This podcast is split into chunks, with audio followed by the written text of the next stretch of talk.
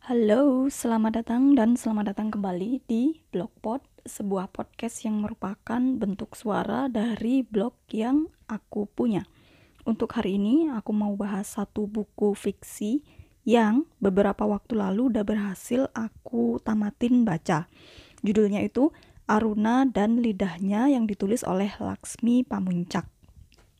Nah, novel ini tuh diterbitin sama Gramedia Pustaka Utama dengan jumlah halaman 430. Terus buku yang ada di aku ini merupakan cetakan yang kedua di bulan Maret 2015. Aku bacain blurbnya dulu. Jadi blurbnya kayak gini. Aruna Rai, 35 tahun, belum menikah.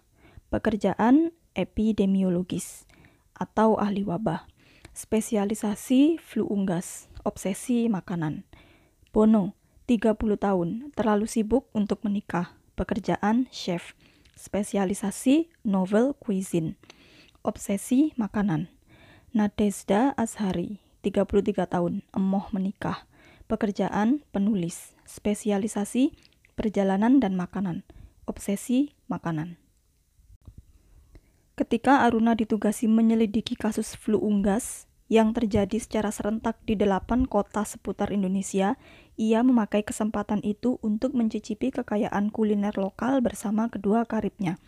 Dalam perjalanan mereka, makanan, politik, agama, sejarah lokal, dan realitas sosial tak hanya bertautan dengan korupsi, kolusi, konspirasi, dan misinformasi seputar politik kesehatan masyarakat namun juga tentang cinta, pertemanan, dan kisah-kisah mengharukan yang mempersatukan sekaligus merayakan perbedaan antar manusia. Itu tadi blurbnya, sekarang masuk ke review aku. Jadi, cetakan yang aku punya ini sampul depannya warnanya biru telur asin dan ada ilustrasi mangkok gambar ayam jago gitu. Terus ada huruf A kapital itu yang ada di dalam mangkok itu. Nah mangkok yang gambarnya ayam jago ini tuh ngingetin aku ke mangkok-mangkok abang bakso gitu yang suka lewat di depan rumah. Jadi ya gimana ya, hmm, sangat merepresentasikan isinya sampulnya ini karena isinya itu kebanyakan membahas tentang makanan. Nah terus menurut aku hal-hal yang menarik dari novel ini itu ada beberapa poin. Yang pertama, prolognya itu merupakan satu kalimat yang super panjang dan panjangnya itu sampai 8 halaman.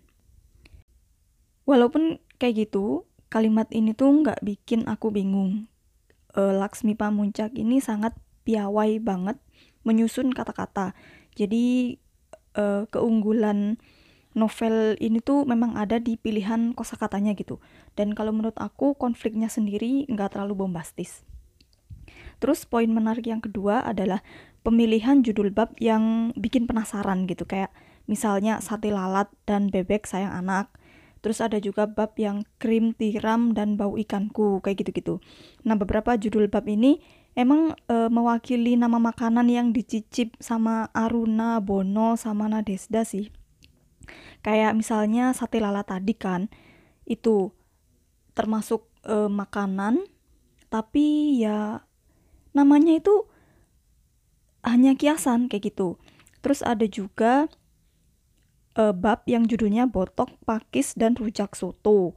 Terus gulo, puan cek mia dan rujak pisang batu dan sate matang yang kayak gitu-gitu. Nah, penggambaran makanannya itu yang ada di novel ini itu sangat detail sampai ngebikin aku tuh bisa ngebayangin bentuk makanan tadi tuh kayak kayak apa dan rasa-rasa dan rasanya itu kayak gimana gitu. Terus ditambah lagi dengan hmm, ada daftar pustaka di akhir buku itu yang digunakan sama penulis itu sebagai rujukan.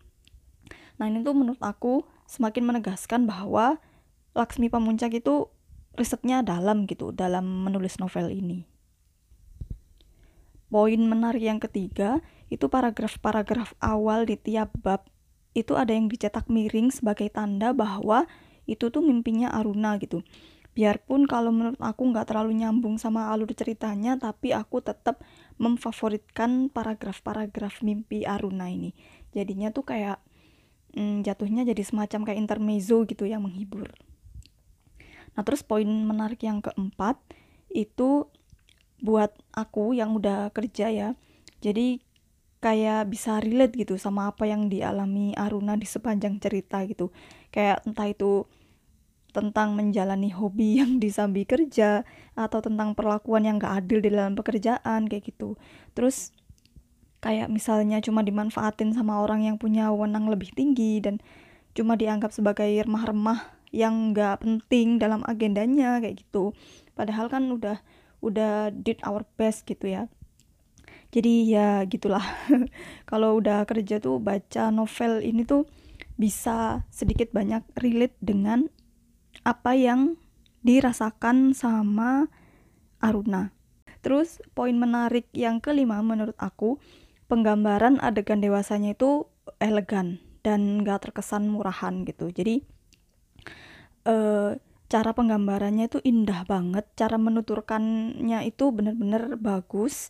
Dan kalau misalnya biasanya kita kalau baca adegan dewasa yang to the point gitu kan suka kayak tiba-tiba suhu naik gitu kan di di sekitar gitu. Jadi secara mendadak tuh kayak tiba-tiba merasa panas gitu. Nah pas di novel ini tuh enggak. Jadi pas baca kalimat-kalimat yang penggambaran adegan dewasa tuh enggak enggak kayak gitu gitu. Jadi kayak malah kedistrak sama keindahan kata-katanya gitu. Dan ya seperti yang udah pernah aku bilang tadi keunggulan novel ini tuh ada di keindahan kosakatanya nah terus ada dua kutipan menarik dari novel ini yang pertama bunyinya kayak gini Apabila kamu mulai merasa tak puas dengan yang kamu miliki, bayangkan kamu kehilangan itu semua. Quote ini ada di halaman 373 di baris ke-7. Terus quote yang kedua, kita mendapat justru ketika kita tak mengharap. Quote ini ada di halaman 380 di barisnya yang ke-7. Oh ya, novel ini tuh udah difilmin dengan judul yang sama dengan judul novelnya yaitu Aruna dan Lidahnya. Terus pemeran yang memerankan Aruna tuh Dian Sastro terus yang memerankan Bono itu Nicholas Saputra yang memerankan Nadesda itu Hana Al Rashid terus ada satu tokoh lagi yang namanya Farish itu diperankan sama Oka Antara. Jadi kalau kamu punya waktu tonton juga filmnya. Menurut aku bagus bagus banget. Kayak film ini tuh film underrated gitu. Padahal isinya tuh bagus. Kalau kamu suka makanan kamu bisa nonton film ini. Dan novel ini tuh kembali bahas novel lagi ya. Novel ini tuh buat aku ya tuh be honest ngerasa buku novel ini tuh penuh sama pelajaran hidup jadi kalau misalnya kamu belum sempat baca buku ini baca buku ini deh karena kosakatanya bagus terus juga pelajaran hidupnya banyak Oke, sekian untuk hari ini. Terima kasih sudah mendengarkan. Sampai jumpa.